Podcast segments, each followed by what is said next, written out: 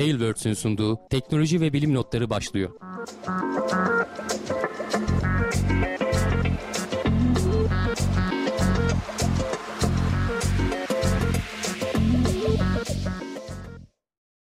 Teknoloji ve bilim notlarına hoş geldiniz. Ben Hamdi Kellecioğlu. Karşımda Cevdet Acarsoy var. Ee, yine bir bilim gündeminde beraberiz Cevdet. Nasılsın? İyiyim Hamdi abi seni sormalı. Ben de iyiyim. Ee, değişik zamanlarda yaşıyoruz. Az önce konuşuyorduk. Ee, evden çalışmalara başladık. Sen de başlamışsın. Ee, pek çok e, firmada artık yavaş yavaş evden çalışmaya başladı. Ee, ister istemez e, hayatımıza yeni yeni önlemler girdi. Hiç daha önce görmediğimiz, karşılaşmadığımız bir şey. İnsanlar olayın ciddiyetini de herhalde artık ufak ufak anlamaya başladılar. Değişik bir dönem evet. Dediğin gibi insanın hayatına dokununca şu anda artık ciddiye almayanlar bile ciddiye almaya başladı e, gibi söylemler alıyorum ben de öyle bilgiler alıyorum çevremden. Evet. İstersen önce duyurularımızı yapalım hemen hızlıca. Ee, sonra da Evet. korona konusuna direkt girelim. Ee, Evet. Tekno Seyir'de bize destek olmak için e, YouTube kanalımıza katılabilirsiniz. Aynı şekilde Gelecek Bilim diye destek olmak için Twitch üzerinden aboneleri olabilirsiniz. Ee, bu kanal ve bu programlar sizin gibi destekçiler sayesinde ayakta duruyor. Ee, bu programların devamını istiyorsanız siz de taşın altına elinizi koyun lütfen. Ee, Cevdet senin söyleyeceğin bir şey var mı? Yo benim de yok. Ee, yine son haftalardaki gibi e, ya son bir son gündem 5-6 gündemde hep korona ile başladığımızı görecekler. Hı hı. Hani eski bilgiler merak eden varsa biz konuştuk deyip geçiyoruz ama e, YouTube'da değil mi Teknoseyir'in e, videoları içerisinde başlıklarda Ya bulabilirler son- dakikaları yazıyor. Yani bir, bir buçuk aydır neredeyse değil mi? Her e, hafta ilk, Gündemin başında. ilk 10-15-20 dakika hatta bazen yarım saat korona konuşuyoruz. Evet çünkü yani herkesin gündeminde bilimle direkt alakalı bir konu. Ama bir e, duyuruyla başlayalım. Sonra korona haberlerimize dalalım. Hı hı. Diğer diğer haberlerimiz de var. Kocaeli Üniversitesi'ne ulaştılar öğrencileri, e, biyoloji e, topluluğu öğrencileri. Bu sene üçüncüsünü gerçekleştiriyorlarmış. Biyoloji kongresi varmış, öğrenci kongresi. 9-10 Nisan tarihlerinde Kocaeli Üniversitesi'nde. Linkini de verdik. İnşallah Bakabilir. olur diyelim bu gidişle Cevdet. Tabii Çünkü evet e, yani 9-10 Nisan çok da uzak değil. Çok Ee, uzak değil, İnşallah olur. Veya online yayınlarlar. Biz mesela Evrim e, konferansını, Aykut Kence Evrim konferansını online yayınlamıştık. YouTube kanalımızda var. hı hı. Böyle şeyler artacak yani. Birçok şey de şey e, vardı geçen teknoloji hafta firması da e, internette dolaşıyordu. Gerçek bir haber hani gülüyoruz ama aslında e, kara mizah gibi bir durum. Korona konferansı korona nedeniyle ertelendi diye. Yani Niye erteliyorsun hani 5 kişiyi çağır maskeleri taktı canlı yayınlar. o, o kadar kısa de- olmayacak demek ki. E, O kadar az kişi e, katılmayacak herhalde. Hastanemizde şey vardı. e, hastane içinde doktorların işte bu virologların falan hastane çalışanlarına e, özel bir e, toplantısı oluyor. Soru cevap yapıyorlar. Bunu canlı yapıyorlardı ilk birkaç hafta. Sonra o aynı senin dediğin gibi korona toplantısı e, live yayınlanacak. Bu internetten sorularınızı yollayın gibi bir şeye döndüler bir süre sonra. E, öyle oluyor dediğin gibi Hamdi abi. Şimdi buradan istiyorsan haberlerimize geçelim. Başlayalım. Bir en önemli haber Türkiye'de koronavirüs vakası görüldü biz son Evet, gündemden beri. Geçen hafta e, herhalde artık açıklanır yakın zamanda diyorduk. Daha bir gün geçmeden galiba hemen ilk vaka doğrulandı. Sonrasında da hızlı bir şekilde arttı. Hani 1 dedik, 2 dedik, 5 dedik, 6 dedik derken 18'e ulaştı bu akşam itibariyle. Ama bakan daha birkaç saat önce e, basın toplantısında daha fazla vaka var. Testleri bitmedi. Bu gece yarısı olmadan e, tam sayıyı açıklayacağım dedi. Hani 18'in de üstüne çıktı. Yani bir anda katlanarak artıyor gibi. Hani şu grafikten her hafta takip ettiğimiz grafikten biraz bu e, vakaların e, eğrisine de bakarsan Cevdet şu son Kasım'da zaten böyle bir yükseliş trendine girdiğini görebilirsin. E, bu Avrupa'da yaygınlaşmaya başladığı anda. İlk başta biraz yükseliyor sonra artış hızı biraz azalmış oluyor. Şu alttaki barlar da her gün e, eklenen vaka sayısını gösteriyor aslında. Ne kadar azsa artış hızı o kadar yavaşlamış durumda aslında.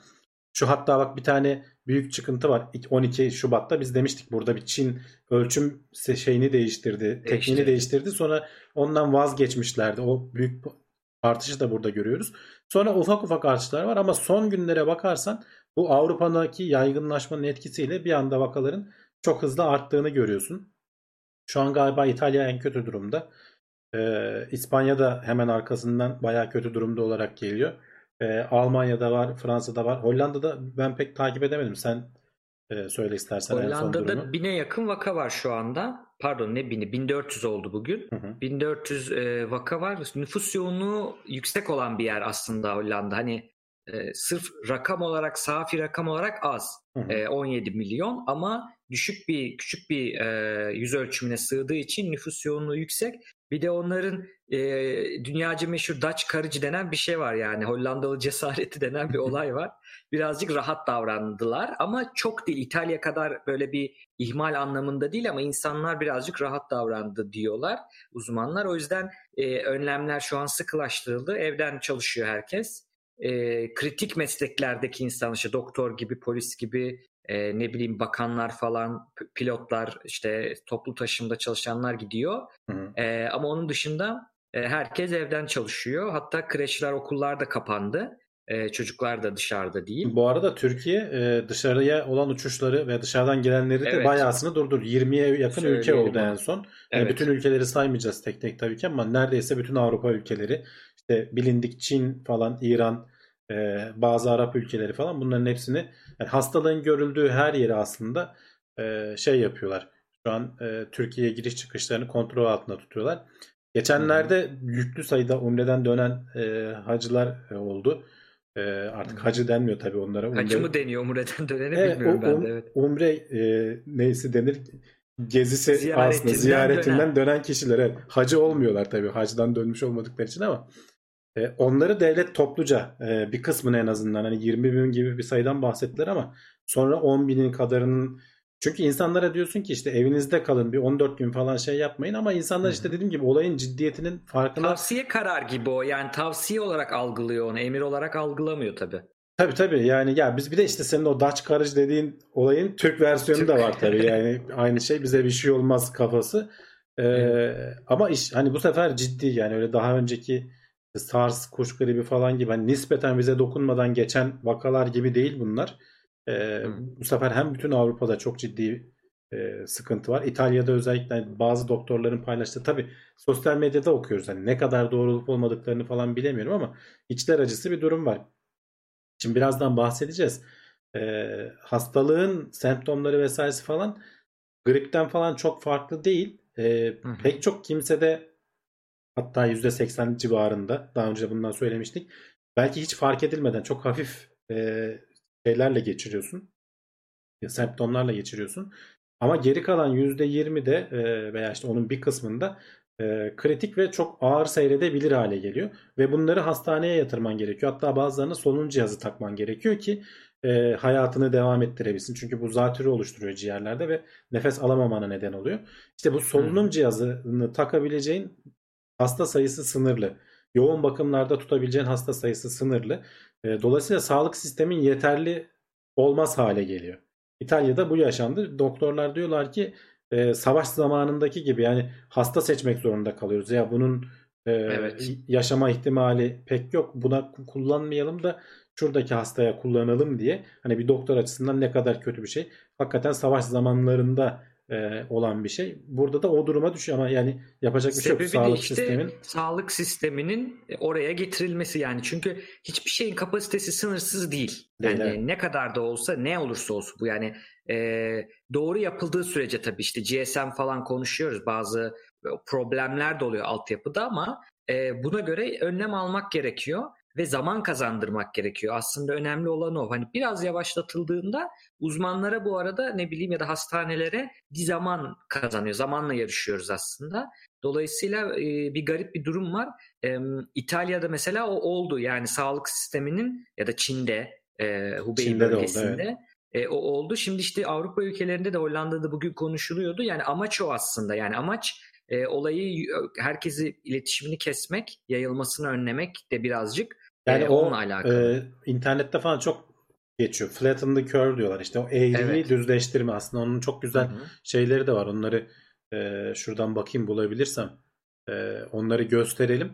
Birazdan göstereceğimiz haberde var animasyonlarda zaten. O, Söyleriz o- onu. oradan direkt ondan başlayalım. Hani sıra önemli değil. Hı hı. Hazır konusu gelmişken. Evet hemen onu söyleyeyim. Ee, yani o aslında şu an hani bizim devletimizin de aldığı önlemlerle yapılmaya çalışılan şey hastalığın yayılmasını yavaşlatmak. Yani eninde sonunda geçmiş haftalarda da konuştuğumuz gibi hepimize bulaşacak bu. Hepimiz bunu bir şekilde atlatacağız. Çünkü çok e, yay- yayılan, agresif yayılan bir şey. E, durdurmak pek mümkün değil. Eninde sonunda bir yerden biz bu mikrobu alacağız. Belki bir yıl içinde, belki bir buçuk yıl içinde. Ama önemli olan şu bir ay içerisinde bunu almamak. E, mümkün olduğunca az kişiye bulaşmasını sağlamak ki e, sağlık sistemi işte şu an ekranda görülen bu çok yüksek e, artan miktarda hasta sayılarıyla tıkanıp kalmasın. E, çaresiz hale gelmeyelim. Bunun için de çok güzel Evet. animasyonlar yapmışlar. E, Washington Post'un animasyonları bunlar. Hani hastalığı insanların birbirine nasıl bulaştırdığı. Tabii çok basitleştirilmiş animasyonlar bunlar. E, bir kere öncelikle e, yaklaşık 200 e, Yani Hamdi abi şey de onu söylemeden diyelim de şimdi bunu niye anlatıyoruz da o da önemli. İnsanlar şunu düşünebilir yani insanımız veya herhangi biri ya tamam evde kalıyoruz ama ne kadar etkisi olacak? Neye yarayacak? Yani işte bu simülasyonda e, basitçe çok basitçe bize onu gösteriyor. Yani e, birilerinin bir ne bileyim yani arkadaşımı ziyaret etmezsem ne olur? Misafirliğe gitmezse ne olur Umre'den dönen falan. Hani Şimdi onu anlatmak için aslında. Evet, şimdi ilk grafikte, e, ilk simülasyonda e, kahverengi noktalar hastalığı taşıyanlar, e, açık e, maviler diyelim, e, henüz hastalanmamış kişiler, morlar da e, hastalığı atlatan e, kişiler. Yukarıda da işte kaç kişiye bulaştığını falan görebiliyorsun. Şimdi önemli olan şu, e, az önce de söylediğim gibi grafiği mümkün olduğunca düz tutmak. Çünkü o en tepe noktaya ulaştığında hastane sistemi yeterli gelmiyor ve e, ölüm miktarı e, çok fazla artıyor. Bütün burada ilk simülasyonda bütün toplumu serbest bırakıyorsun. Herkes mobilize, herkes istediği yere gidiyor. Dolayısıyla hastalar arasında ya daha doğrusu insanlar arasında interaksiyon birbirlerine bulaştırma çok yüksek seviyelerde seyrediyor. O yüzden yukarıdaki gibi bir grafik çıkıyor. Bir sonraki durumda Çin'de yapıldığı gibi çok sert e, şey önlemi uygularsan, karantina önlemi uygularsan ama bunu da sınırlı yapabiliyorsun. Çünkü eninde sonunda birileri kaçıyor o karantinadan. Dışarıdan Hı. gelenler oluyor, şey yapanlar oluyor. Bu biraz e, hastalığın artış seyrini yavaşlatıyor. Ama e, çok yeterli seviyede değil. Çünkü bir kere o karantinadan birileri dışarı çıktığı zaman mesela Çin en başlarda karantina uygulamasına rağmen bütün dünyaya yayıldı. E, Evet. Gördüğün gibi gene yeterli değil. Ve grafik biraz daha düz bir seyir almasına rağmen şu üstte görülen grafik sonlara doğru gene bir anda artış gösteriyor. Aslında şu anda dünyada yaşanan bu. Ee, hı. ilk başta gösterdiğim grafikte sonla, biraz düz gidiyordu. Sonlara doğru yükseliyordu. Biz şu anda sonlarda tekrar yükselme evresindeyiz. Evet. Ee, bir sonraki grafik e, simülasyon bu sefer toplumun belli bir kesimini burada yaklaşık %25'ini durduruyorsun. Herkes e, %25'ini Evinden çıkmasın. serbest bırakıyorsun daha doğrusu. Geri kalanı evinde duruyor. Şu an aslında biraz toplumların uyguladığı sokağa çıkma yasakları işte kafeteryaların kapanması falan buna hizmet ediyor. Hareket halinde olanlar e, birbirlerine bulaştırabiliyorlar ama insanlar oldukları yerde durdukları zaman gördüğün gibi grafik bayağı düz seyretmeye başlıyor. Yani sağlık sistemin tıkanmıyor. E, gelen hastalarla e, başa çakabilir seviyede kalıyor. Biraz daha arttırırsan e, yaklaşık e, 8'de birine falan düşürebilirsen eğer hareket eden insan sayısı bu bayağı sert e, sokağa çıkma yasakları falan demek oluyor. Gerçekten Hı hı. kontrol altında tutabiliyorsun. Ama bu da tabii bir yandan da şunu da söyleyeyim süreyi uzatıyor. Yani biz sonuçta bir yandan da ekonomiyi öldürmememiz lazım. Zaten e, devletlerin ikinci kere düşünmesinin sebebi bu. Yani herkes evinde tutmaya başladığın zaman her yeri kapattığın zaman işte şu anda spor müsabakaları engel şey yapıldı durduruldu vesaire falan. Ee, bunların hepsinin çok ciddi ekonomik sonuçları var. İşte biz de mesela turizmden falan bu sene çok ciddi sıkıntılar yaşayacağız. Ee, kapatılan restoranlar, lokantalar vesaireler e, veya işte kulüpler, barlar, kafeler yani bunların da sonuçta bir sahipleri var. Geçinmesi lazım. Yani bütün ekonomiyi durdurmuş oluyorsun. Ee, devletler bunu mümkün mertebe minimum seviyede tutmaya çalışıyorlar ama e, sağlık sisteminin tıkanmaması için de böyle bir şey lazım. Bizde de o yüzden şu anda mesela çok sert sokağa çıkma yasağı uygulanmıyor. Ama mesela okulları durdurdular. İşte Evet. e, bu akşam itibariyle hatta şeyleri de söylediler. E, alışveriş merkezi ve lokantalar dışında bütün işte gece kulüpleri işte ne bileyim insanların topluca olabileceği her yer e, ne bileyim kafeler vesaire falan galiba e, şey oldu. E, kapatılacak. Yani mümkün mertebe insanlara evinizde durun. E, ama işte geçen hafta da söyledik. Panik yapmaya gerek yok. E, hani bir şeyleri stoklayalım, e, eve toplanalım falan demenize gerek yok. Muhtemelen marketler vesaire falan açık kalmaya devam edileceği için gidip alışverişini falan yapabilirsin belli önlemleri alarak. İşte o Evet. Avrupa'da falan şey yapıyorlarmış galiba Cevdet. Ee, insanların topluca markete girmesine izin vermiyorlar. Belli sayılarla dışarıda sıra oluyorsun. Çok birbirine yakın ol, durmadan. Ee, sonra hı. içeriye yavaş yavaş alıyorlar seni. Ee, küçük bakkallara falan o şekilde girmeye izin veriyorlarmış. Bazı yerlerde sarı çizgiler çekilmiş. Onların arkasına geçmemeni falan sağlıyorlar. Yani Evet. Biz e, geçen dün dün de dün galiba dün ya da önceki gün e, İtalya'dan bir yüksek lisans öğrencisiyle yayın yaptık Sanem Çetin'le.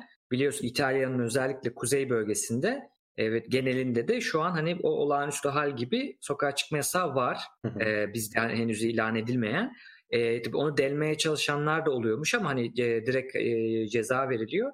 Mesela o e, pardon sokağa çıkma yasağı değil özür dilerim. Yani şey olarak sadece var ama şöyle mesela diyor ki bir kağıt geliyor eve ve o kağıtta nereye gideceğini yazıyorsun. İşte mesela ben süpermarkete gideceğim diyor. Hı. Onu yazıyorsun ve hani polis gördüğü zaman onu durdurup sorabiliyor ve hani o sebebin gerçek olduğuna bakması lazım.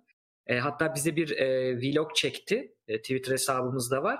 İşte sabah evinden çıkıp e, süpermarkete gidiyor ve orada hani e, ne ne ürünler var ne yok. Hani direkt görmek isteyenler Hı. varsa çünkü İtalya biraz bu olayın merkezi gibi bir şey Avrupa'da. İspanya ile birlikte. Evet yani hani O yüzden e, eğer o kadar hani önlemler şey değil, alınmasaydı durmuş değil, gidebiliyor kısaca yani süpermarkete gidebiliyor. Hı. İstifçilik yapanlar hani ilk baştaki gibi değil, alabildiği istediği şeyleri. bayağı Ee, doluydu. ama Ben hani gördüm çıkarken- izledim o videoyu. E, Hı. market Çıkarken şey yapması lazım ve sıra beklemesi gerekiyor çizgili. Hani havalimanındaki pasaport çizgisi gibi bir Hı hı. e, çizgileri bir durum var. Bak şu e, grafik de aslında bayağı an- gö- güzel anlatıyor. Bu e, önlemleri erken alan ülkelerle zamanında almayan ülkelerdeki hastalık sayılarının artışını gösteriyor. E, sıfır işte ilk günden itibaren mesela bak Japonya, Singapur ne kadar yavaş ilerlemiş. Ama mesela İran bir anda artıyor. İtalya bir anda artıyor.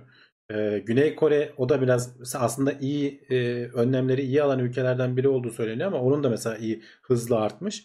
E, Japonya, Singapur, Tayvan falan burada grafikte yok ama onlar e, bu konularda iyi şey verdiler deniyor. E, sınavı geçtiler çünkü e, önlemlerini aldılar. Çok fazla test uyguladılar vatandaşlarına. E, herkesi test ettiler. Dolayısıyla e, vakaları tespit ettikleri anda hemen işte çevresiyle birlikte falan takip aldılar. Bizde de şimdilik durum böyle görünüyor. E, kontrolü elden kaçırmadık gibi görünüyor. İnşallah da bu şekilde devam eder.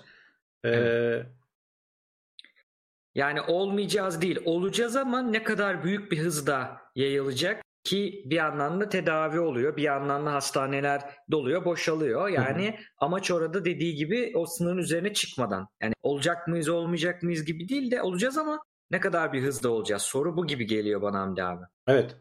Ee, Hı. şeyi söyleyelim hani peki bu kadar önleme rağmen e, diyelim ki koronavirüsünden şüpheleniyoruz. Hani ne yapacağız yani? E, Evet. Aslında Sağlık Bakanlığı falan bu konuda internet sitesinden bakabilirler. E, bayağı güzel e, ne yapmalısınız, nasıl davranmalısınız gibi bilgilendirici hem infografikler hazırlamışlar hem yazılar var.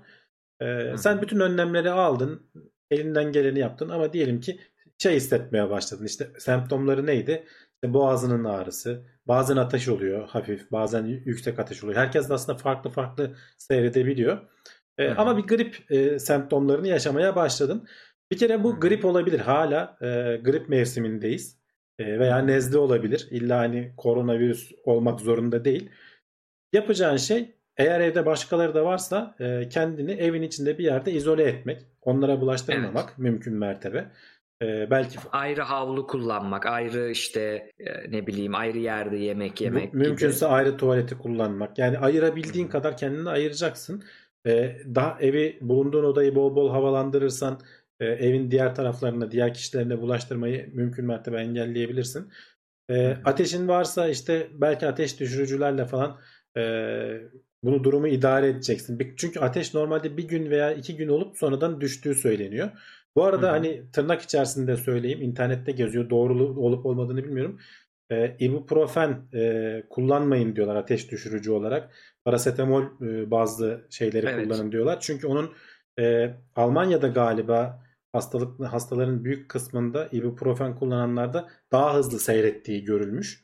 E, ama bu dediğim gibi sosyal medya henüz doğrulanmamış bir şey. Çünkü çok Hı. hızlı gelişiyor. Hani mümkünse parasetamol temelli bir e, ateş Türkiye'de- düşürücü kullanabilirsin. Evet. Mi- Minoset adıyla duyabilirler. Evet. Başka markalar da var ama en çok yaygın o.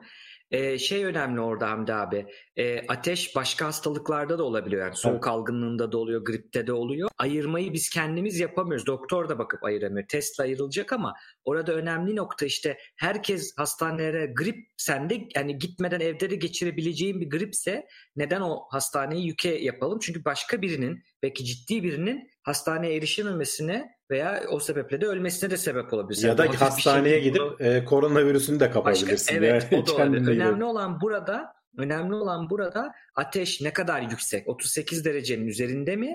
E, Dünya Sağlık Örgütü'nün söylediği 38 derecenin üzerinde mi?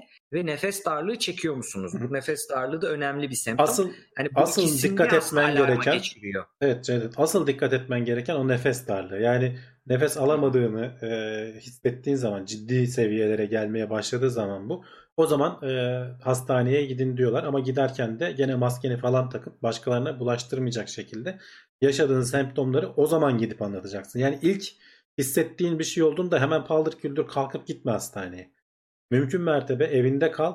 E, semptomlarını takip et. E, yanında birileri varsa onlara da bulaştırmamaya çalış. Gerçi aynı evin içinde bence zor olacaktır o bayağı ama e, en sonunda artık nefes darlığı başladığı zaman çünkü bu virüsün zaten e, öldürdüğü kişilerin asıl hani ölme sebebi zatürre. Yani ciğerlerinde sıvı birikmesi ve nefessiz kalmaları eninde sonunda. O yüzden oksijen tedavisi falan uygulanması gerekiyor ve o Evet. e, kitler yetmiyor. Az önce haberlerde gördüm İngiltere'de falan şeye başlamışlar.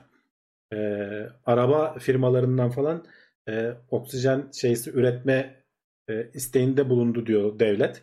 E, Hmm. O entübasyon, ventilator mı deniyor artık tam Türkçesi nedir bilmiyorum. E, yani onun arzını mümkün olduğunca arttırabilirsek o kadar çok insana e, hizmet sağlayabiliriz. Çünkü e, bir yatak ayarlarsın bir kenarda yatırırsın ama o alet olmadığı zaman hiçbir şey yapamıyorsun. Evet. Solunum desteği olmadan yani özellikle yaşlılarda ya da zaten astımı var diyelim. Yani hı. zaten e, bir ciğerle ilgili zatüre problemi var vesaire. Onlar dediğin gibi yatkın. Sigaranın da çok e, yararlı olmadığını yani yardım etmediğini Zaten neye yardım noktada. ediyor Cevdet yani? Evet. Sigara her yerde. Yani direkt sigara içen daha çabuk şey oluyor değil ama baktığınızda o e, akciğerin içini o sigaradaki maddelerle kaplamak da mantıklı bir yaklaşım değil burada yani kesinlikle e, zararı olacaktır. E, onu da söyleyelim. Şimdi yoğun bakım ayrı dediğin gibi solunum desteği ayrı farklı farklı sebepler ama burada önemli olan dediğin gibi Hamdi abi iki e, e, iki tane ciddi belirti saydık. 38 derece üstüne ateş ve nefes darlığı dedik. Bunlarda evden çıkmadan mümkünse doktorunu arayabilirsin, bir yere arayabilirsin. Ee, gel derlerse de sana ya da bazen ambulansla gel diye, diyebiliyor doktora. Bu şekilde de maske takıp başkalarına işte o zaman maske başkalarına bulaştırmamak için takıyoruz ya maskeyi. Ee, maskeyi takıp o şekilde e, hastaneye gitmek. Önemli olan o. Yani ben hastayım hadi doktora gideyim deyip gitmemek. İki şey var. Ya gerçekten hastasın başkasını bulaştırırsın ya da bu şekilde çıktığında başkalarından kapabilirsin. Yani her iki şekilde de bunun yapılmaması gerekiyor. Evet. e, ya bir de dünyanın farklı yerlerinde farklı ilerliyor süreç Cevdet. Mesela bak şöyle Hmm. e, ilginç bir grafiğe rastladım ben. Mesela Güney Kore ile İtalya'yı karşılaştırmışlar burada. E, İtalya'daki vaka sayısı falan daha fazla ama ölüm oranları çok yüksek. Yani mesela biz Çin'de de hep konuşurken %3, 3,5, 2 idi bir süre sonra 3, 3,5 falan oldu. Ama bu İtalya'da 6'lara 7'lere çıkıyor bir anda. Yani Evet. Niye bu kadar arttığını açıkçası şu anda hani pek kimse nüfusun yaşlı olmasıyla falan belki açıklayabiliriz. Ya da sağlık sisteminin yeterli cevabı verememesiyle belki açıklayabiliriz. Ben şu anda açıkçası bilemiyorum. Ee, Biz onu dün e, şeye sorduk. Sanem gerontolog bu arada. Yani Hı yaşlı bilim yani yaşlı bilimi mi diyelim ona evet. Yani Evet, evet. yaşlılarla uğraşan bilim. E, gerontolog hani o anlamda da sorduk. Niye bir kere yaşlılar en %98 falan ya e, 70 yaşın 65 yaşın üstündekiler ölüyor İtalya'da. E, ama niye bu kadar oldu yani senle de konuşmuştuk hani neden diye ben de çok sordum ama hani tek bir cevabı yok diyor. Kendi de tabii ki bilemiyor. Bunu çok daha büyük pe- pencereden, büyük açıdan bakmak lazım. Sonradan belki çıkacak bir şey. hı hı. Ama e, ge- e, yani şey olarak söyle biraz geç kalınması, bazılarının hani kontrol edilmeden salınması ve e, sağlık sisteminin e, o şekilde planlanmaması. Yani böyle büyük bir e, darbede gelip e, planlanmaması. Bir de zaten Hamdi abi aslında dediğin gibi şey meselesi hani örnek veriyorum İtalya'nın e, hastane kapasitesi 100 bin olsun e, Güney Kore'nin 200 bin olsun. İkisi de o limitin üzerine çıkıldığında aynı duruma düşüyor bir nevi. Hani o, o noktaya geldiğin anda e, eleme eleme noktasına geldiğin anda oraya düşüyor. Ama ben de çok merak ediyorum nedir kültürel sebepler olabilir belki. Hani işte cesaret yani, olabilir. Evet İtalyanlar Mesela hani rahat insanlar çıkma- falan diyorlardı hani o şeyleri. Evet sokağa çıkma yasağı var dedi ama dedi hani gençler falan protesto ediyormuş şarkı söylüyormuş sokakta ge- geziyorlarmış falan hani ya da dedi ki küçük, küçük çocuklar bahçede oyun oynuyor dedi o çocuk şimdi apartmana girecek dedi falan Hı hı. e, şey e, Sanem. Dolayısıyla hani onları bilmiyoruz o daha sonradan e, ortaya çıkacak bir nevi dünya bir deney alanı gibi bir şey ama insan Şey, bak, hayatıyla deney oynanan alanı bir deney dedin. yani. Ee, ilginç şeylerden biri İngiltere çok farklı bir strateji izliyor. Takip ettin Hı. mi bilmiyorum. Ee, Yok nasıl? sürü bağışıklığı diye bir şey uygulamaya karar verdiler. Onlar diyorlar ki eninde sonunda Hı. hepimiz hasta olacağız. Zaten biz e, bu yasaklamaları falan yapmayalım. Nüfusun %60-65'i hasta olup bunu atlattıktan sonra zaten geri kalanına o kadar bulaşmayacak diyorlar. Ama Dünya Sağlık Örgütü mesela bunda ciddi riskli olduğunu söyledi. Çünkü kontrol elinden bir kaçırdığın anda işte o seninle hep konuştuğumuz Tabii. gibi hastaneler yoğun bakımlara gelen insanlara cevap veremez hale geldiği anda e, altından kalkılamaz sonuçlar oluyor. Yani İngiltere şu anda biraz riskli bir iş yapıyor diyorlar. E, özellikle bu sürü bağışıklığı aşısı olan e, salgınlara karşı insanları aşılarız. Sürüyü Hmm. yani tek tek kişileri değil sürünün Evet. bağışıklığını sağlamak hep söylüyoruz yani aşı karşıtı iddialarda falan da e, bütün toplumun hani aşı oranlarının %90-95'lere ulaşması gerekiyor ki işe yarasın o aşılamanın e, sonuçlarını alabilesin. İngiltere Bir biraz de, farklı e, bir yöntem izliyor. Öz- e, özür dilerim. Burada bu virüste, bu virüs özelinde zannediyorum öyle bir şey görmedim ama yanlışsam düzeltsinler. Bir kere geçirdikten sonra bağışıklık kazandığımız kesin değil. Henüz Bununla değil. ilgili evet. çalışma yok. Yani, Yani şey haberleri gördüm aslında. ben birkaç yerde Cevdet. E, ama doğru mu değil mi bilmiyorum. Hani geçirdikten sonra evine dönerken döndükten sonra tekrar e, hastalığa yakalandı. Pozitif e, test sonucuna ulaştılar falan gibi. Hani Çin'de bir iki vaka haberi okudum. Ama ne kadar doğru ne kadar değil bilemiyorum açıkçası. Hani o kişiye özel bir şey de olabilir veya yanlış bir ölçüm Tabii. falan da olabilir. Çok çok hızlı geliştiği için olaylar henüz daha hani bilimsel olarak da bir şey net bir şey söyleyemiyoruz açıkçası. Biraz e, dikkatli ve temkinli olmak lazım. Doğru söylüyorsun. Buradan e, bir sonraki haberimize geçelim. E, isterse gene aynı e, durumda. E, şeyi de biraz karşı. Sen başta dedin griple benzeşiyor ama farklı. Hı hı. E, ne gibi farkları var Hamdi abi gripten aslında? E, yani farklı virüs aileleri bir kere değil mi? Biri influenza, grip dediğimiz. E, bir tanesi koronavirüs Ya ailesi. şöyle- Artık herkes biliyor. Yani influenza'nın hani en önemli fark aslında hani söylenebilecek şey e, influenza yıllardır hani 100 yıldan fazla zamandır takip ediyoruz grip mikrobunu. E, bununla nasıl savaşacağımızı, ne yapacağımızı, ne yaparsak ne olacağını biliyoruz ve zaten elimizden kayıp kayıp kaçıyor. Hiçbir zaman da doğru düzgün bir aşısını üretiyoruz ama her sezon değiştiği için e, aşının koruyuculuğu falan böyle %30'larda 40'larda falan e, geziniyor. Ee, Hı. bu virüs dediğimiz gibi bildiğimiz bir aileden ama farklı bir virüs. Yani ilk defa işte bir anda çok hızlı yayıldı. Bunun e, şeyi yüksek. Yayılma. Hani kişi başı şurada Hı. bir gene onun da bir grafiği vardı. Onu da Diğer hastalıklarla karşılaştırdığımız zaman evet. Şu. Ee, işte burada klasik grip mesela şu R0 dediği 1.3 diyor. Yani bir kişi 1.3 kişiye bulaştırabiliyor. Hmm. Ee, bu Covid-19'da 2-2.5 arasında. SARS'ta mesela 3, MERS'te 0.3'te 0.8 arasında. Yani Ha. ama Çok SARS zor mesela yayılıyor Me- MERS. MERS zor yayılıyor, öldürücülüğü yüksek. SARS kolay yayılıyor ama verdiği semptomlar hemen 2 gün sonra falan ortaya çıktığı için e, çok kısa sürede e, o kuluçka süresi kısa olduğu için ve etkileri çok yüksek olduğu için hemen sen tespit edip e, adamı izole edebiliyorsun. O yüzden mesela çok az kişide yayıldı ve e, daha fazla yayılması engellendi. Ama bu hastalığın en büyük problemi tespit edemiyorsun. Yani o kuluçka süresi çok uzun. Etkileri bazı toplumun yüzde işte 80'i dedik ki hep hafif atlatıyor. Farkına varmıyorsun. Ama işte risk grubunda olan kişilerde de e, geri kalan %20'nin işte özellikle de %6'sı falan galiba çok ağır şekilde e, geçirebiliyor. E, o şekilde temel farklar var. Semptomları benziyor.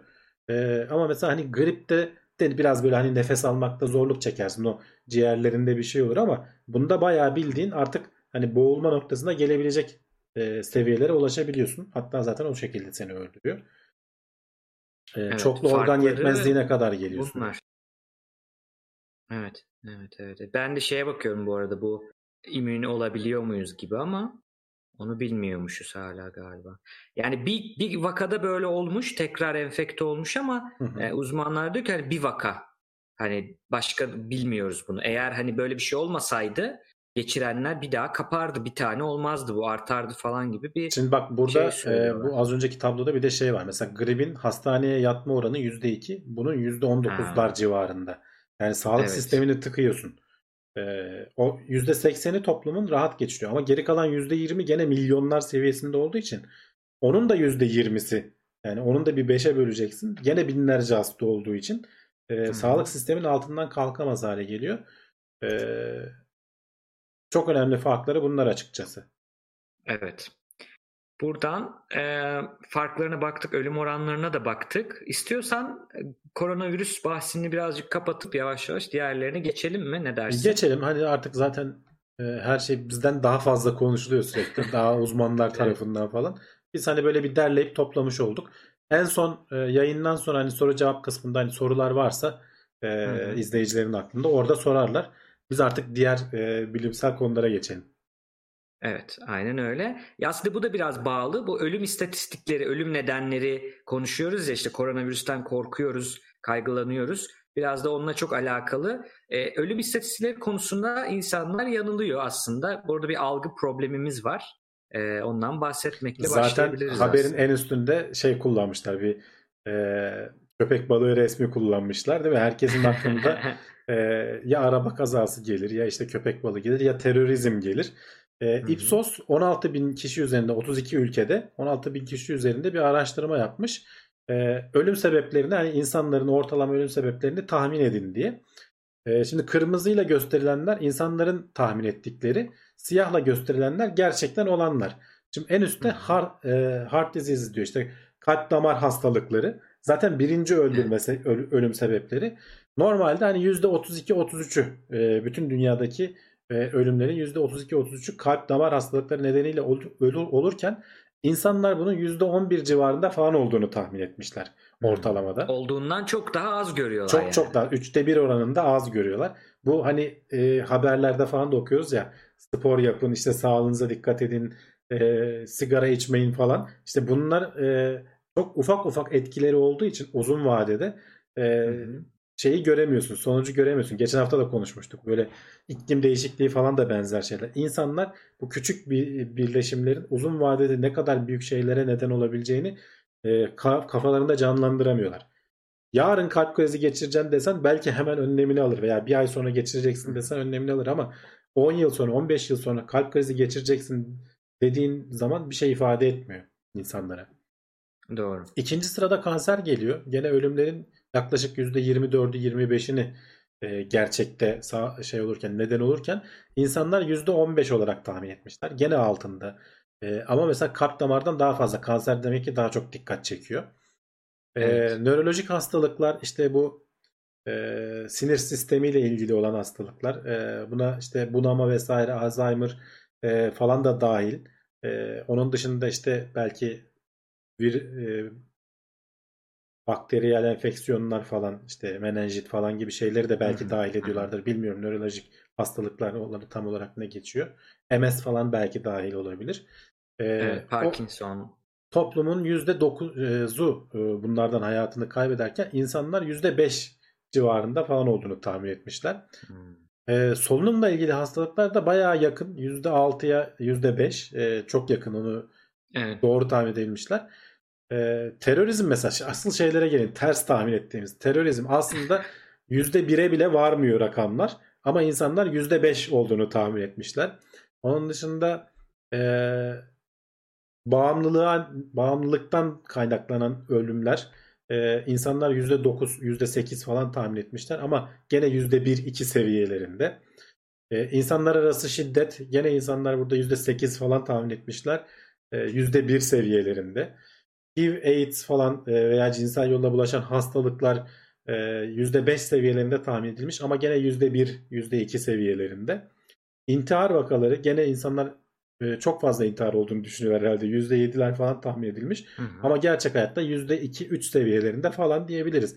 Yani e, aslında algımız e, gerçekte olanları hani çok etkilediğini hep söyleriz ya. E, Evet. Burada da bariz öyle bir durum var. İstatistikler konusunda fena halde yanılıyoruz. E, Evet. Burada Hamdi abi çok net olarak bir şeyi görüyoruz. Bak şimdi iki uç var. Kalp hastalıkları ve kanserde olandan az görmüşüz değil mi? hı hı. Ve işte terörizm gibi madde kullanımı, demin anlattığın şiddet vesaire, intihar onlarda da e, olandan çok daha yüksek görmüşüz. Şimdi burada şöyle bir sıkıntı yani şöyle bir e, etki var. O etkiyi direkt bu grafik bize kanıtlıyor aslında. Availability bias dediğimiz yani erişilebilirlik yanlılığı dediğimiz bir şey var. Bunun tam Türkçesi aslında şu. İnsanlar kararını akla ilk gelen, akla daha kolay gelen daha doğrusu kolay gelen şeye göre yapıyorlar. Yani etrafta hazır olan kafamızda, hafızamızda hemen akla ilk gelen şeyi daha önemli görüyoruz. İşte mesela e, en basit örnek buna uçak kazaları yani uçaktan korkmak arabadan korkmaktan çok daha fazla. Çünkü ama uçak kazalarının ölen sayısıyla kara trafiğinde ölen sayısına baktığında arada dağlar kadar uçurum var. Yani kat kat kat kat fark fazla arabada ölenler. Ama Evet. ne oluyor? Niye? Çünkü uçak kazası dendiğinde hepimizin aklında çok net, negatif, çok e, duygu yoğunluğu yüklü, akılda kalıcı böyle mıh gibi işleyen sahneler geçiyor. Terörizmde öyle, altın vuruş hani substance abuse dediği herhalde o orada. Madde kullanımına bağlı bu Evet. tarz hikayeler. İşte saldırganlık zaten hepimizin bir yaşadığı bir şey oluyor. Yani kendi hayatında da ya da savaşları biliyoruz iç savaşları biliyoruz. E, HIV AIDS çok filmlerde karşımıza çok çıkıyor. Yine intihar çok böyle e, akılda kalıcı olaylarken e, bunları olduğundan daha fazla şey yapıyoruz. Ben ona yoruyorum. Peki diyeceksin ki kanserle kalp hastalığı da aslında çok çevremizde var olan akla gelen bir şey. Kanser en çok korkulan hastalıklardan biri. Hı. Orada da acaba şey mi olmuş Hamdi abi? Ee, yani kalp hastalığında biraz bana bir şey olmaz gibi dediğin gibi hemen olmadığı için. Yine kanser de öyle hani bir günde olmadığı için ee, gibi bir durum olmuş herhalde. Bir de Herhalde. şey olabilir. Ee, wishful thinking diyoruz ona da. Yani olmasını istediği gibi. Hı. Yani işine gelenin gerçek olduğunu düşünmek diyeyim. İstediğin, gönlünden geçeni son cevap olarak vermek. Ama o iş öyle olmuyor belki. değil mi? Hani gerçekte olmuyor ama daha düşük olduğunu varsaymıştır. Korkmuş olabilir büyük rakamdan. O da olabilir. Ee, ilginç bir şey. Burada dediğin gibi daha önce de söyledik ya hani niye küresel ısınmaya bu kadar önemli daha önce de konuştuk hava kirliliği insanlar hemen tepki almıyordu. Koronavirüste hemen alıyor. Ya da ne bileyim başka olaylarda. Çünkü birinin sonucunu hemen görüyorum. Çevremde çok yaygın görüyorum. Ve hemen etki tepki hemen sonuç alıyorum. Daha kolay öğreniyorum. Hı hı. Ama arasında çok fark var. İşte kalp hastalığı tamam bir anda öldürüyor ama bir anda oluşmuyor. Tabii Hani yıllarca yağlı yağlı birikmesi ye, gerekiyor. sporunu yapma sonra hemen gelmiyor. Dediğin gibi e, böyle bir etki var aslında. Burada onu görüyoruz. Onları okurken hani dedik ya grip aslında daha çok öldürüyor. Sırf Amerika'da bile 65 bin kişi gripten ölüyormuş her yıl. Öyle vardı en son şeyde grafikte. E, daha koronadan 5 bin kişi mi öldü dünyada Evet. E, henüz yani. 5000'den daha fazla galiba. 7000 falan Evet. oldu rakam ama yani 7 bin. sonuçta Ama yani ha e, bir Amerika'daki hani toplam sayının bile bayağı bayağı altında. Ama Hı. e, insanların hani çok e, devletlerin falan panik olmasının sebebi çok hızlı artma ihtimali var bunun. Çok hızlı Tabii. yeri. O yüzden boş hani panik değil o zaten evet. tabii tabii ciddiye almak lazım yani o işi. Aynen öyle. Buradan bir sonraki habere geçelim. Grip demişken yine grip aşısı, genel grip aşısı. Şimdi gripin alt türleri varmış o virüsün. Hı hı. Bütün hepsini birden etkili olabilecek bir genel evrensel grip aşısı üzerinde çalışıyormuş uzmanlar. Ve, Ve bayağı ilerleme aşılar- kaydedilmiş. Evet. Şimdi bu aşılarda, ilaçlarda veya herhangi bir tedavide hani ilaçlar şöyle yapar, böyle yapar çok konuşanlar var. Şimdi o kadar konuşmuyorlar iş ciddiye bindiği için ama hani genel olarak söyleyeyim. Bütün ilaçlarda dünyada ilaç firmaları ne kadar ticari olursa olsun bu testleri e, başka kuruluşlar, bağımsız kuruluşların yapması gerekiyor. Araştırmacıların yapması gerekiyor ve bunlar akran değerlendirmesinden geçiyor. Nedir bu? E, randomized control trial diye geçer bakarsanız ama Yani rastgele seçilen iki gruba da rastgele atadığım ve bunları yaş gibi diğer hastalıklar gibi eşitlediğim bu özelliklerine göre eşitlediğim insanlara kontrollü deney yapıyorum. Birine placebo veriyorum. Yani ilaç gibi görünen ama ilaca ilaç etkeni olmayan içinde. Ötekine de gerçek ilacı veriyorum ve aradaki farka bakıyorum. Çok basitçe anlatmak Hatta gerekirse. mümkünse bu testler çift körleme falan oluyor.